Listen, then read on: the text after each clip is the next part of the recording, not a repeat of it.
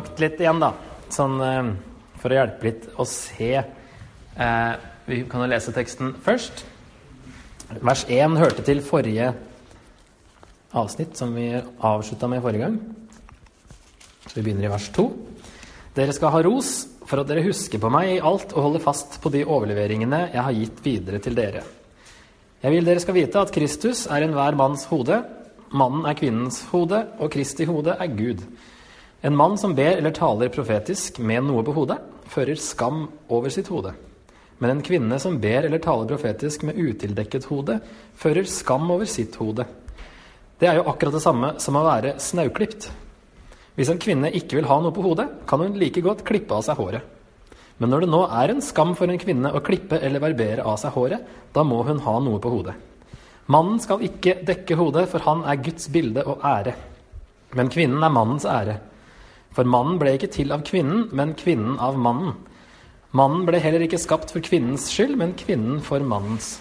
Derfor skal kvinnen for englenes skyld ha noe på hodet som et myndighetstegn. Men i Herren er ikke kvinnen uavhengig av mannen, og mannen er ikke uavhengig av kvinnen. For som kvinnen ble til av mannen, blir mannen født av kvinnen, men alt er fra Gud. Bedøm selv. Sømmer det seg for en kvinne å be til Gud uten noe på hodet? Lærer ikke selve naturen dere at det er en skam for mannen å ha langt hår, mens det for kvinnen er en ære? For håret er gitt henne som slør. Hvis noen vil lage strid om dette, så husk at en slik skikk har ikke vi, og heller ikke Guds menigheter. Dette er ikke det letteste avsnittet, og det har vært mye eh, tolkninger på det her. Eh, det her kan være noe de faktisk ikke er så verst på, da, siden han begynner med å si at uh, dere skal ha ros for at dere husker på meg i alt osv. Mens i vers 17, når han kommer til mål, uh, ja, Herrens måltid, nattverden, så sier han når jeg her gir dere mine, mine påbud, er det én ting jeg ikke kan rose dere for. Så kanskje de faktisk hadde riktig hodeplagg, men hadde stilt spørsmål til Paulus uh, hvorfor gjør vi sånn. Eh, eller så er det ja, noen oversettelser begynner vers 3 med et 'men', fordi det lille ordet som også kan oversettes 'og' eller 'men', så er det litt opp til oversetterne hva de da velger. Og i så fall så blir det en kontrast. At de, at de ikke er så flinke på det her heller.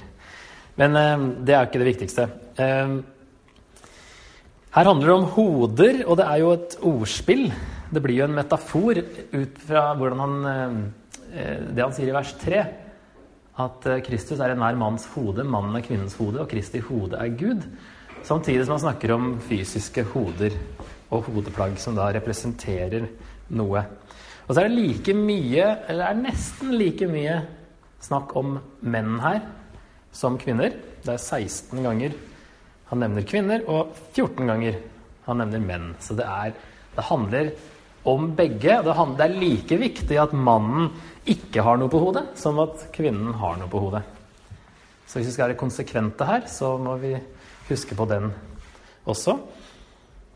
Og så sier han i vers eh, 4 og 5 altså Det handler om når de ber eller taler profetisk. Og det høres ut som det er noe da, men når de kommer sammen, noe offentlig. Det er snakk om altså i menigheten. Noen, altså Alle de norske oversettelsene har mann og kvinne. Men eh, faktisk eh, noen engelske har mann og kone.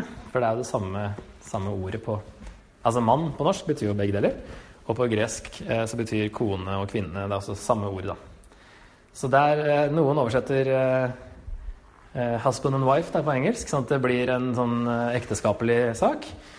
Mens det også kan høres veldig generelt ut hvis det står mann og kvinne. Eh, og det, vers tre, da, med hodet At Kristus er enhver manns hode, mannen er kvinnens hode, og Kristi hode er Gud. Det kommer liksom før alt det andre. Det er jo det han bruker som grunnlag på en måte for argumentene videre. Og det høres jo ganske sånn teologisk tidløst ut. Mens kanskje mye annet her kan være kulturelt. Så det, det er jo et, eh, et, av de tingene som dukker opp her. Da, dette med kvinnen hun skal underordne seg osv. Han bruker jo ikke det ordet akkurat her, tror jeg. Han bruker det senere. Eh, og han bruker det andre steder. Så vi får se. Det er mange meninger om det også. Så vi begynner med å se på vers 3, da. Eh, og her har det vært litt debatt, eh, fordi det greske ordet er kefale.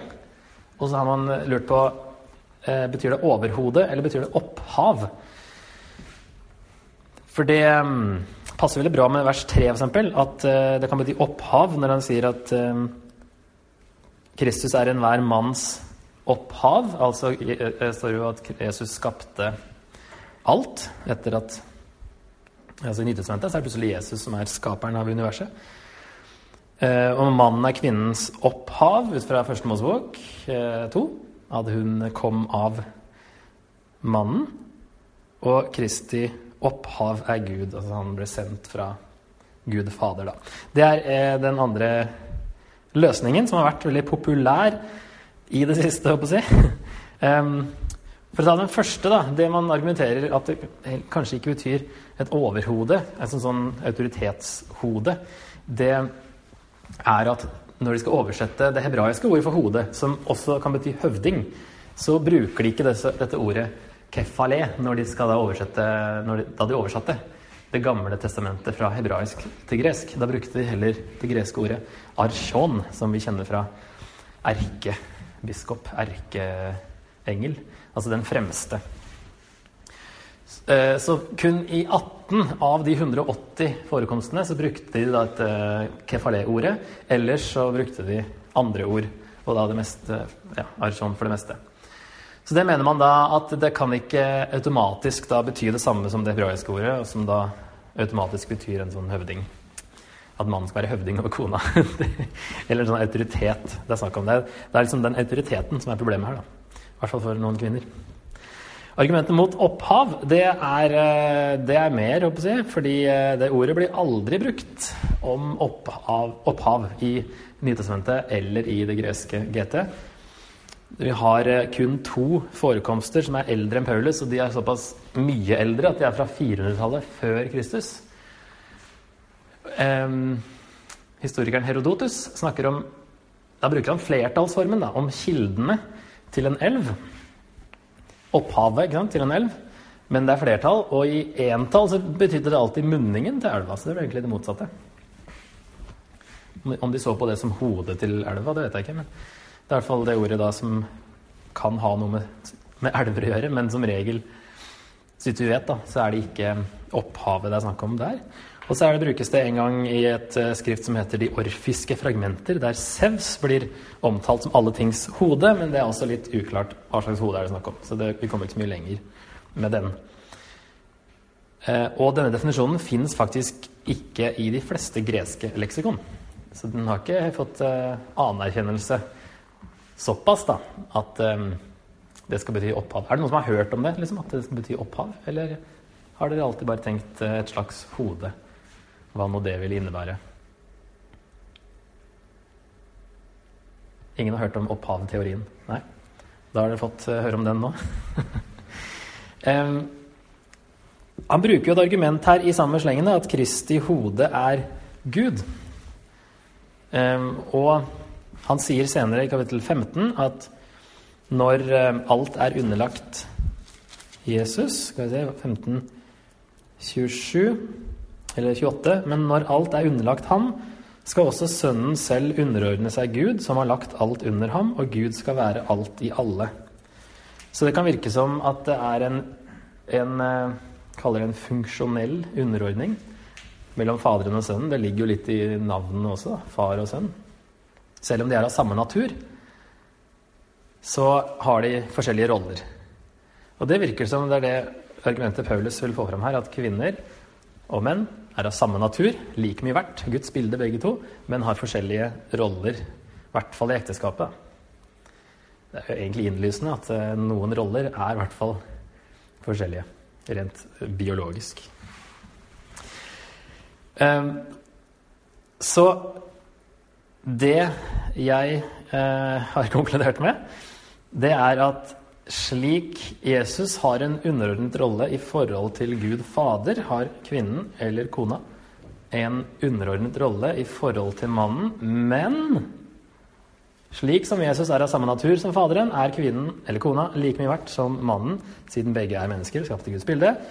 Og Jesus er menighetens hode, det sier Paulus andre steder, i Efeserne 5 bl.a. Men han viste at bibelsk lederskap er å tjene andre. At mannen er kvinnens hode, betyr at han skal elske kona si slik Jesus elsket kirken og ga seg selv for den. Så det som, altså Man kan godt konkludere med at, det er, at mannen skal være hodet på et eller annet vis, men i vår kultur så syns jeg det er vanskelig å finne hva betyr det i praksis. Det er mye lettere i den kulturen. Ehm, det var en veldig sånn patriarkalsk eh, kultur. Ehm, der det var innlysende hva det betydde at mannen var hodet. Og jeg syns ikke det er like innlysende for oss nå eh, i et ekteskap. da, hvordan Vi har som regel en ganske sånn likestilling sånn sett. Eh, men når Paulus kommer inn på det her, så argumenterer han fra skapelsen. Han sier jo det senere i kapittelet her òg, at mannen ble skapt først osv. Det er liksom det han ofte henviser til i 1. Timoteus 2 også. Henviser til at mannen, eller Adam, ble skapt før Eva, og at det er et teologisk poeng. Um, og det virker som det er noe av det han kommer til her, når han på en måte redder seg litt inn i vers 11, når han sier Men i Herren er ikke kvinnen uavhengig av mannen, og mannen er ikke uavhengig av kvinnen. For som kvinnen blir til av mannen, blir mannen født av kvinnen. Men alt er fra Gud. Eh, sånn at det blir en sånn balanse der. Han prøver å liksom forhindre at de tar det her for langt. Det er egentlig bare hodeplagg han snakker om. Men han begrunner det i et eller annet i skaperverket. Og en eller annen sånn underordning hodesak som er vanskelig å definere. For han sier ikke helt tydelig hva det innebærer. Eh, men at han da Altså hadde kvinnen blitt skapt først og vært den som fødte barn, så hadde hun vært først i alt, på en måte. Så, men her balanserer han det med å si at mannen ble skapt først. Men alle blir eh, født av kvinner. Derfor er det liksom en sånn Og alt er fra Gud, til syvende og sist. Ja, um, vi skal gå gjennom, så kan dere se, si hva dere syns uh, Nei, vi kan ta Jo, vi kan ta hodeplagg-greiene i samme slengen, så kan dere si hva dere syns etterpå om dette her. Så hvis vi leser videre, i vers 4 En mann som ber eller taler profetisk med noe på hodet, fører skam over sitt hode. Det vil jo si både sitt biologiske og det fysiske hode, og også ut fra vers 3 um, over Jesus, og fører skam over Jesus, som er hans hode. Det er noen som vil hente begrunnelsen for det ut fra andre hedenske religioner. Dette er faktisk keiser Augustus som skal til å ofre, og han har da dekket til hodet. Som var eh, vanlig både for kvinner og menn å gjøre da, i andre religioner når de skulle ofre. Og det ser på den her, da ble det veldig lite. Eh, så den personen som står nesten til høyre der, har da tildekket hodet. Det er en kvinne, sier de, som skal til å ofre ved det alteret, mens alle andre har ikke noe på hodet. Så av sånne ting så kan man da trekke at eh, de pleide å trekke noe over hodet når de skulle ofre så det kan være noe med det når det gjelder mennenes hodeplagg, men det er litt rart at uh, det er bare mennene som skal bryte med dette her, og ikke kvinnene. At de fortsatt skal ha noe på hodet. Men det kan likevel spille inn litt. Samtidig som det han sier, er at en mann skal ikke ha noe på hodet. Og bokstavelig så står det noe ned fra hodet. Uh, som noen vil si kanskje heller er langt hår. Som han nå kommer tilbake til når han sier at det er en skam for mannen å ha langt hår. Så det kan være Det glir over, over i hverandre, da, med, for han bruker jo vanlige ord for uh, tildekket senere. I avsnittet her, når det gjelder menn, altså. Men uh, ja. Menn muligens da ikke skulle ha langt hår, eller ikke dekke til Det er litt sånn komplisert å prøve å finne ut hva er det som er relevant av historisk bakgrunn. Jeg følte jeg fant forskjellige ting i forskjellige kilder som jeg sjekka. Videre vers 5. Men en kvinne som ber eller taler profetisk med utildekket hode, fører skam over sitt hode, altså over mannen sin. Ut fra vers 3. Det er jo akkurat det samme som å være snauklipt. Hvis en kvinne ikke vil ha noe på hodet, kan hun like godt klippe av seg håret. Men når det nå er en skam for en kvinne å klippe eller barbere av seg håret, da må hun ha noe på hodet. Så det, er i hvert fall Ting som dukker opp som bakgrunn for det, er jo at veldig kort hår eller barbert hode var forbundet med skam og ydmykelse eller sorg. Spesielt for kvinner, da. Derfor sier han at det er jo en skam å ha kort hår. Ehm, det er et eller annet spesielt med det. Og romersk lov sa faktisk at en kvinne som førte skam over sin mann ved å være utro, skulle barberes på hodet. Dette med snauklipt Vi får liksom en sånn hint her. da. Hva er det som ligger i det å være snauklipt? For det er ikke det samme i dag som den gangen, ser det ut som. Og så sies det også at gifte kvinner dekket til håret i offentligheten. Og hvis han gikk med løst hår, så ble han ansett som løsaktig, eller i det minste ugift. Du var på utkikk.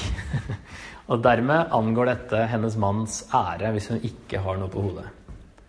Så det var liksom både en sånn religiøs bakgrunn og en sånn ekteskapsbakgrunn og romersk lov og um, skikk og bruk, å si. Skam og uh, Det er jo en ære-skam-kultur, dette her, som vi ikke er så vant til. Det er fortsatt andre deler av verden at de fortsatt tenker veldig sånn. Miste ansiktet sånne ting. Vi eh, tenker ikke så mye på det. Og de fleste kvinner er, altså Ordet kvinner og koner det betyr det samme, så er det fordi de fleste voksne damer var gift. De gifta seg veldig tidlig. Så det er ikke sikkert det var så stor forskjell på det å være kvinne og det å være kone. Det var veldig, I hvert fall de fleste, da, var tidlig gift. Så kommer det at når han argumenterer ut fra skapelsesordenen, kan vi kalle det, i vers 7 Altså mannen skal ikke dekke til hodet, for han er Guds bilde og ære. Men kvinnen er mannens ære. Han sier Altså det betyr ikke at bare mannen er skapt i Guds bilde. Det er jo ikke det han Han sier jo ikke at kvinnen er skapt i mannens bilde. Det er liksom bare ordet ære han tar videre og sier at hun er mannens ære. Og han vet jo godt ut fra første Mosebok at uh, både mann og kvinne er skapt i Guds bilde. For mannen ble ikke til av kvinnen, men kvinnen av mannen. Mannen ble heller ikke skapt for kvinnens skyld, men kvinnen for mannens. Derfor skal kvinnen for englenes skyld ha noe på hodet som et myndighetstegn. Det er mye rart her, altså. Vi prøver å ta det litt sånn punktvis. Um, det, ja, som jeg nevnte i stad, det virker ikke som et kulturelt argument når han henviser til uh, skapelsen. Så det er kanskje det som ligger i, i bunnen her, som er tidløst, men som får utslag i kulturelle forskjeller da forhold til nå, da. Eh, og så er det dette med 'for englenes skyld' i vers 10. Der er det også eh, ja, kanskje to hovedtolkninger på det. Det er at englene er med, eller de i hvert fall observerer eh, gudstjenestene og er med i tilbedelsen, kanskje. Det som finner vi spor av den tanken finner vi spor av i dødehavsrullene, annet. Og det er et par steder i Nytestamentet òg at det står for f.eks. Eh, at det er større glede i himmelen over en synder som vender om. Det er jo til at de kan følge med på ting som skjer, ut fra det verset. Og Paulus skriver i 1. Timoteus 5.: eh, Jeg vitner for Gud og Kristus Jesus og de utvalgte engler at et eller annet. Så de er liksom med på et eller annet, de englene. Så det kan være noe sånt. Det er rart han trekker inn det som et argument, for så vidt, men han gjør nå det her, da.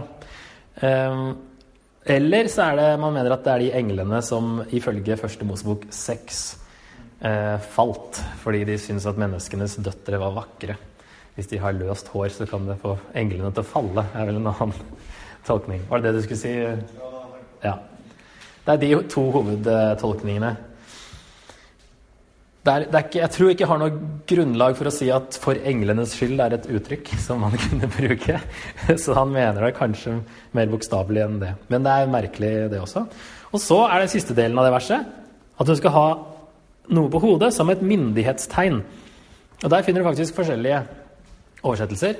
Du har eh, Bibelen Guds ord, har du det? Der står det et tegn på Nei, eh, myndighet på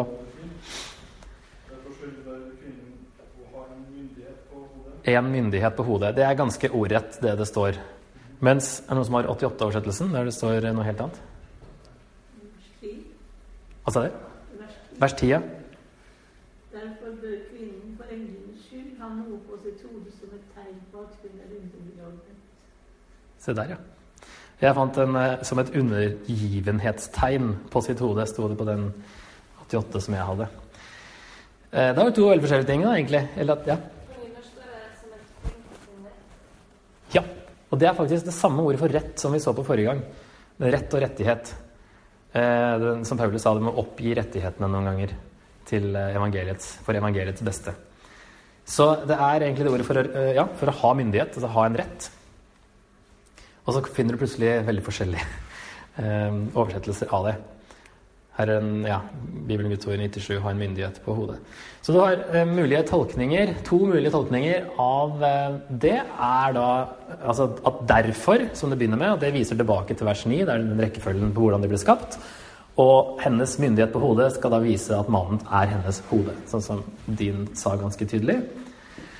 Ellers er det den andre muligheten. eh, Det er at det er ikke noe språklig belegg for en såkalt passiv mening. Altså det at noen andre har myndigheten over deg.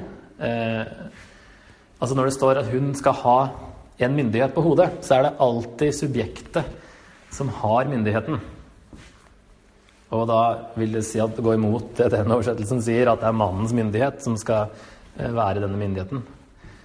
Og at det da kan bety å ha et tegn på sin myndighet, eller rett, til å eh, delta i menigheten, på en måte, til å be og profetere. Hvis hun har dette på hodet, så har hun rett myndighet. Så det blir to litt forskjellige. Det gjør ikke saken noe enklere å finne ut av. At bibeloversetterne heller ikke er enig. Så eh, Ja, så kommer ord, eh, verset der han prøver å redde seg litt inn, virker det som.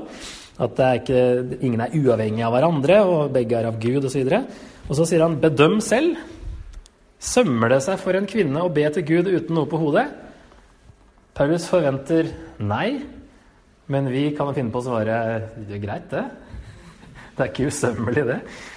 Lærer ikke selve naturen dere at det er en skam for mannen å ha langt hår? Jo, forventer han, ikke sant? Mens vi tenker eh. Eller hæ? Mens det for kvinnen er en ære, for håret er gitt henne som slør. Hvis noen vil lage strid om dette, så husk at en slik skikk har ikke vi, heller ikke guttemenigheter. Um, ja, så dette med langt hår um, kan være det at det fortsatt henviser til uh, både kultur og Første Mosebok 1. At det var ingen i Romerriket som hadde langt hår av menn. De utafor var jo barbarene, de som ikke snakka gresk. De hadde langt hår. Ingen menn hadde det. Eh, gudene ble av og til fremstilt med langt hår, men eh, ingen menn. Så for dem var det veldig naturlig, altså naturen lærer oss på en måte Ja, det kan være en henvendelse til skaperverket også, da. At eh, eh, menn skulle ikke ha langt hår fordi det blanda kjønnsrollene. At det blir et sånt poeng ut av det også. Um, ellers er det deres naturlige oppfatning av hva som sømmer seg. Kan også være hvordan man bruker ordet natur. Men uansett eh, hårlengde, da, sånn som i dag, hvis vi skal anvende det med langt hår Det er ikke noe sånn skam for en mann å ha langt hår eh, i vår kultur. I hvert fall ikke vår, eh, vi som er av den yngre. Jeg ble akkurat 40, men eh, regner meg som blant de yngre. For jeg syns ikke det er så veldig skammelig. Jeg har flere kompiser med langt hår.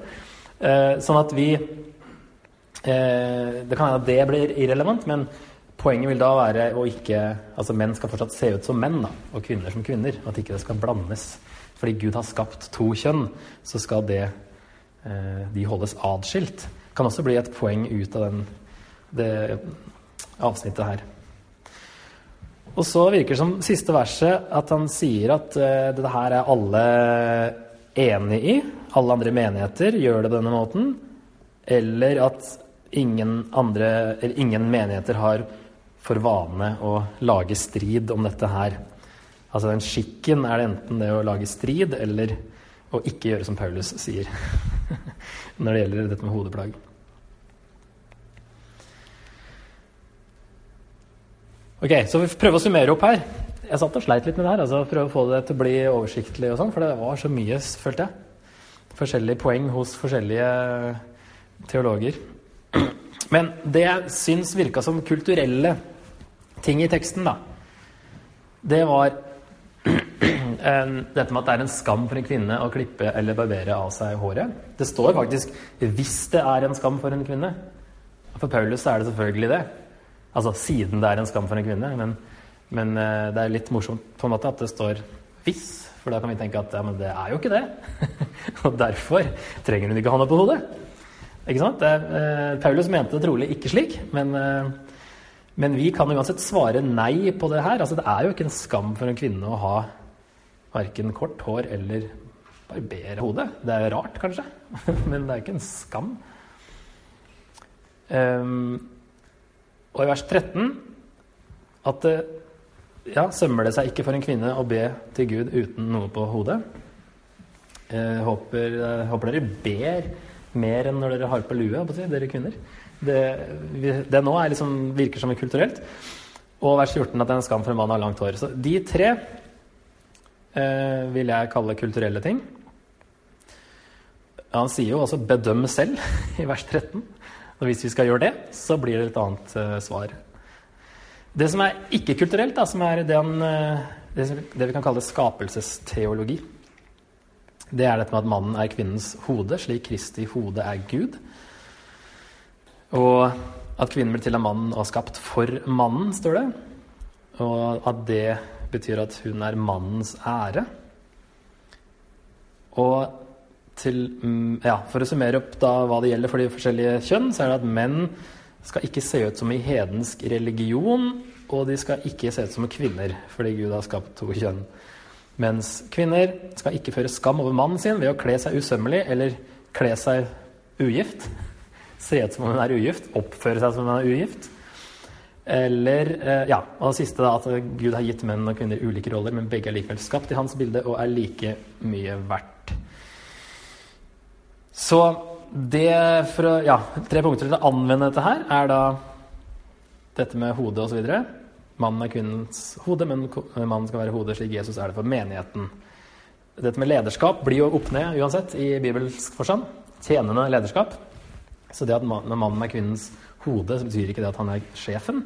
Eh, han skal være villig til å dø, faktisk, for eh, kona si. Og det var helt uhørt å si den gangen. Eh, ingen tenkte sånn. Så det, er- der er Paulus veldig radikal. Det er jo Efeserbrevet han sier det, da. Men hvordan vises dette i praksis? Det har jeg ikke så mye å si på. Eh, hvordan, om, det, om, om det vises i det hele tatt. Det kan være forskjellig også i ekteskap. Gud har skapt to kjønn som skal holdes atskilt. Menn skal se ut som menn, og kvinner som kvinner. Og kvinner skal ikke se ut som Nei, kvinner skal ikke føre skam over mannen sin ved å kle seg usømmelig eller oppføre seg. har jeg skrevet da. Det er ikke så lett å kle seg ugift. eller i hvert fall ikke i krist- Ja, noen mener at faktisk det, det tilsvarende hodeplagg er giftering i dag. Og du tar av gifteringen når du går i kirka, det, det er ikke bra. da fører du skam over mannen din, helt klart. Så det vil faktisk Det var to eh, kilder, kommentatorer jeg sjekka, som eh, mente at det var en anvendelse av eh, dette her i dag. Problemet i de vanskelige tekstene her, da, eh, det er jo å finne det tidløse. Og det er det jeg i hvert fall har prøvd å være ehm, Prøve å ta det på alvor, da, hvordan Paulus argumenterer. Det er en tommelfingerregel da, når han bruker kultur som et argument F.eks. i Titus så sier han kvinnene skal være hjemme og stelle på kjøkkenet si, for at evangeliet ikke skal få eh, noe ondt, vondt ord mot seg, eller noe sånt lignende. Da. Og det ville være, ut fra den kulturen, så ville det bli kritikkverdig hvis hun ikke var hjemmeværende. Så derfor evangeliets beste. I vår tid er ikke sikkert det blir i det hele tatt det resultatet. Hvis vi mener at alle kvinner skal være hjemme, så er ikke sikkert det fører til at evangeliet får noe godt rykte i vår kultur. Så der argumenterer han tre ganger ut fra at ikke evangeliet skal få noe dårlig rykte. Det er mer kulturelt enn når han henviser til første Mosebok og skapelsen. Det er en sånn grei tommelfingerregel da. Når han bruker teologisk skapelsesteologi spesielt, så er det tidløst. Når en argumenterer ut fra kultur eller oppfatning, så er det kulturelt. Så Det er som regel her det blir vanskelig altså i sånne avsnitt da, når det, man er uenig. så er det fordi det er vanskelig å finne ut hva som er tidløst. Så jeg har gjort et forsøk da, med at det er dette med mm, innad mellom mann og kvinne som er tidløst, og så får det forskjellig eh, ses, Det ser forskjellig ut i forskjellige kulturer, og at hodeplagg er ikke noe som vi eh, bruker i den konteksten her lenger. At alle gifte kvinner plutselig dekker til hodet. Sånn at eh, det blir noe annet. Ja. Ok, skal vi se på nattverden, da. Det er jo helt forskjellig eh, tema her, egentlig, men innenfor menighetssammenkomster. Fra vers 17. Når jeg her gir dere mine påbud, er det én ting jeg ikke kan rose dere for. Dere samles på en måte som ikke er til nytte, men til skade. For det første hører jeg at det er splittelse blant dere når dere kommer sammen som menighet, og det tror jeg det kan være noe i det. Og jeg tror det kan være noe i det. For det må vel være oppsplitting i grupper blant dere, så det kan bli klart hvem som holder mål. Når dere da kommer sammen og er samlet, er det ikke Herrens måltid dere holder. For når dere spiser, holder hver og en av dere måltid for seg selv. Den ene er sulten, den andre drikker seg full. Har dere ikke hus så dere kan spise og drikke hjemme? Eller forakter dere Guds menighet og lar dem som ikke har noe, sitte med skam? Hva skal jeg si til dette? Skal jeg rose dere? Nei, slikt kan jeg ikke gi ros. For jeg har mottatt fra Herren det jeg også har gitt videre til dere. I den natt da Herren Jesus ble forrådt, tok han et brød, takket, brøt og sa, Dette er min kropp, som er for dere. Gjør dette til minne om meg. På samme måte tok han begeret etter måltidet og sa, Dette begeret er den nye pakt i mitt blod. Hver gang dere drikker av det, gjør det til minne om meg. For hver gang dere spiser dette brødet og drikker av begeret, forkynner dere Herrens død helt til han kommer. Den som spiser brødet eller drikker av Herrens beger på urett vis, gjør, det, gjør derfor urett mot Herrens kropp og blod. Enhver må prøve seg selv, og så spise av brødet og drikke av begeret. For den som spiser og drikker uten å tenke på at det er Herrens kropp, spiser og drikker seg selv til doms. Derfor er det mange svake og skrøpelige hos dere, og noen er sovnet inn. Hadde vi bedømt oss selv, hadde vi unngått å bli dømt. Men når vi blir dømt av Herren, blir vi irettesatt, for at vi ikke skal bli fordømt sammen med verden. Derfor, mine søsken, når dere kommer sammen for å holde måltid, så vent på hverandre. Hvis noen er sulten, får han spise hjemme, så ikke sammenkomstene deres skal føre dom over dere. Om de andre tingene skal jeg gi retningslinjer når jeg kommer.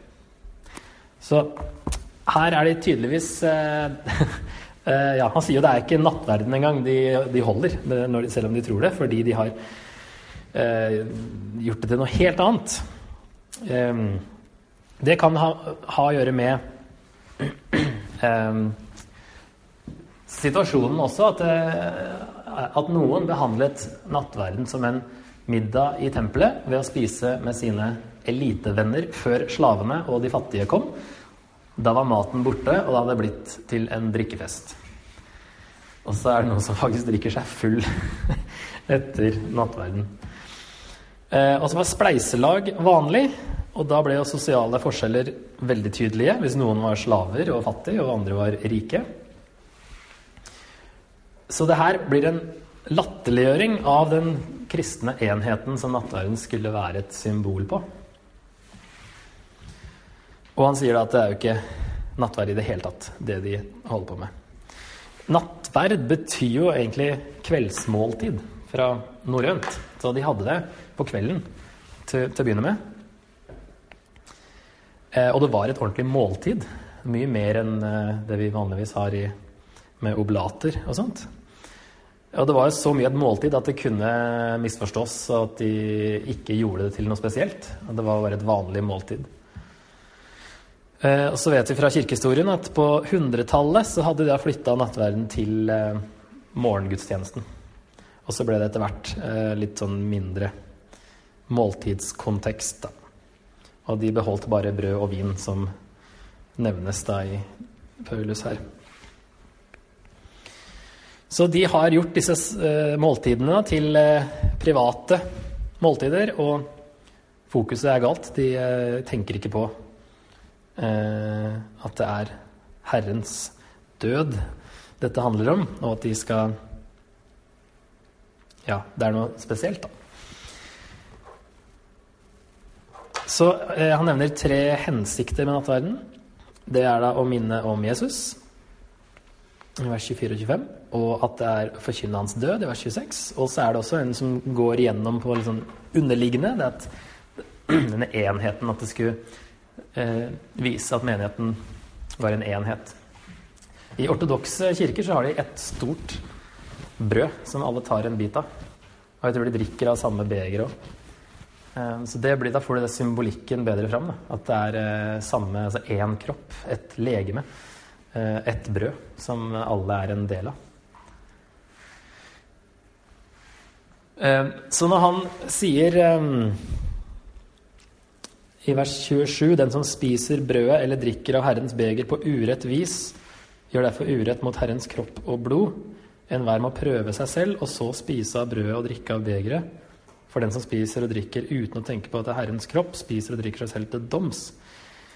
Og så sier han, Derfor er det mange svake og skrøpelige hos dere, og noen er sovnet inne, faktisk noen som har dødd fordi de har misforstått og misbrukt nattverden så, eh, på den måten her. Og at de er sjuke, eller i hvert fall svake og skrøpelige på et eller annet vis. Så det er i så fall to ganger i Nytestamentet at Gud faktisk eh, gjør litt sånn eh, ting som det her. Eh, I Apostelens gjerninger 5 med Ananias og Safira, når de også blir tatt livet av fordi de ljuger. Det var en kritisk fase akkurat da. Man kunne ikke ha sånt i menigheten, og det kanskje fikk effekt. Så, men her eh, sånn lite, en liten detalj til, da, at eh, det her var veldig alvorlig, og at faktisk eh, noen hadde blitt dømt på den måten at de hadde dødd. Men når vi tenker at altså, vi skal prøve oss selv, så er det noen som kanskje føler veldig sånn at uh, dette her er så alvorlig at jeg vet ikke om jeg kan gå til nattverd, fordi jeg vet ikke helt hvor jeg står for tida, håper jeg. Uh, det, altså, hvis du ikke vet om du tror, så er det jo én ting, men uh, hvis du tar det litt altså, Det er stor forskjell da, på hvordan de, hadde, hvordan de holdt nattverd, uh, og ikke tenkte på at det var noe spesielt engang. Uh, det, er liksom, det er da man spiser og drikker seg selv til doms. Ikke hvis du Ja, du kan kanskje Vi kan dømme oss selv litt for hardt, kanskje, på den der, hvis du Eh, ikke føler deg verdig eller et eller annet sånt. Det tror jeg ikke er eh, poenget med det han sier her. Hvis vi er oppriktige i vårt forhold til Gud, så eh, trenger vi ikke føle at vi ikke kan gå til nattverd.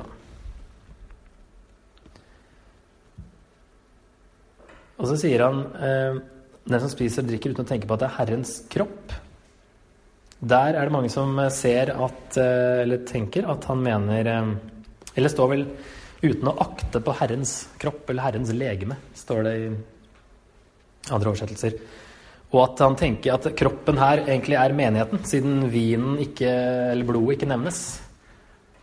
Så er det menigheten som er kroppen han tenker på her. da. Så hvis du går til nattverd uten å tenke på at uh, det er noe sånn menighets, altså fellesskap, enhet, eh, over det, sånn som de da ikke gjorde, så er det alvorlig. Løsningen er da å vente på hverandre, sier han til slutt. Derfor, mine søsken, når dere kommer sammen for å holde måltid, så vent på hverandre. Det var tydeligvis noe av problemet. De eh, begynte før alle, hadde kommet, så det var ikke sånn fellesskapsmåltid. Hvis noen er sulten, får han spise hjemme, så ikke sammenkomstene deres skal føre dom over dere. Og så er det flere ting han skal ta opp når han kommer. Men han sier i hvert fall det her, da. Så de tre hensiktene det gjelder jo fortsatt. Det er jo tidløst som bare det. Så det må vi iallfall huske på i nattverden. Det er det, de tre tingene den skal symbolisere. Selv om eh, vi ikke har det på kvelden og vi ikke har et måltid, så eh, er de tre hensiktene da, eh, viktige.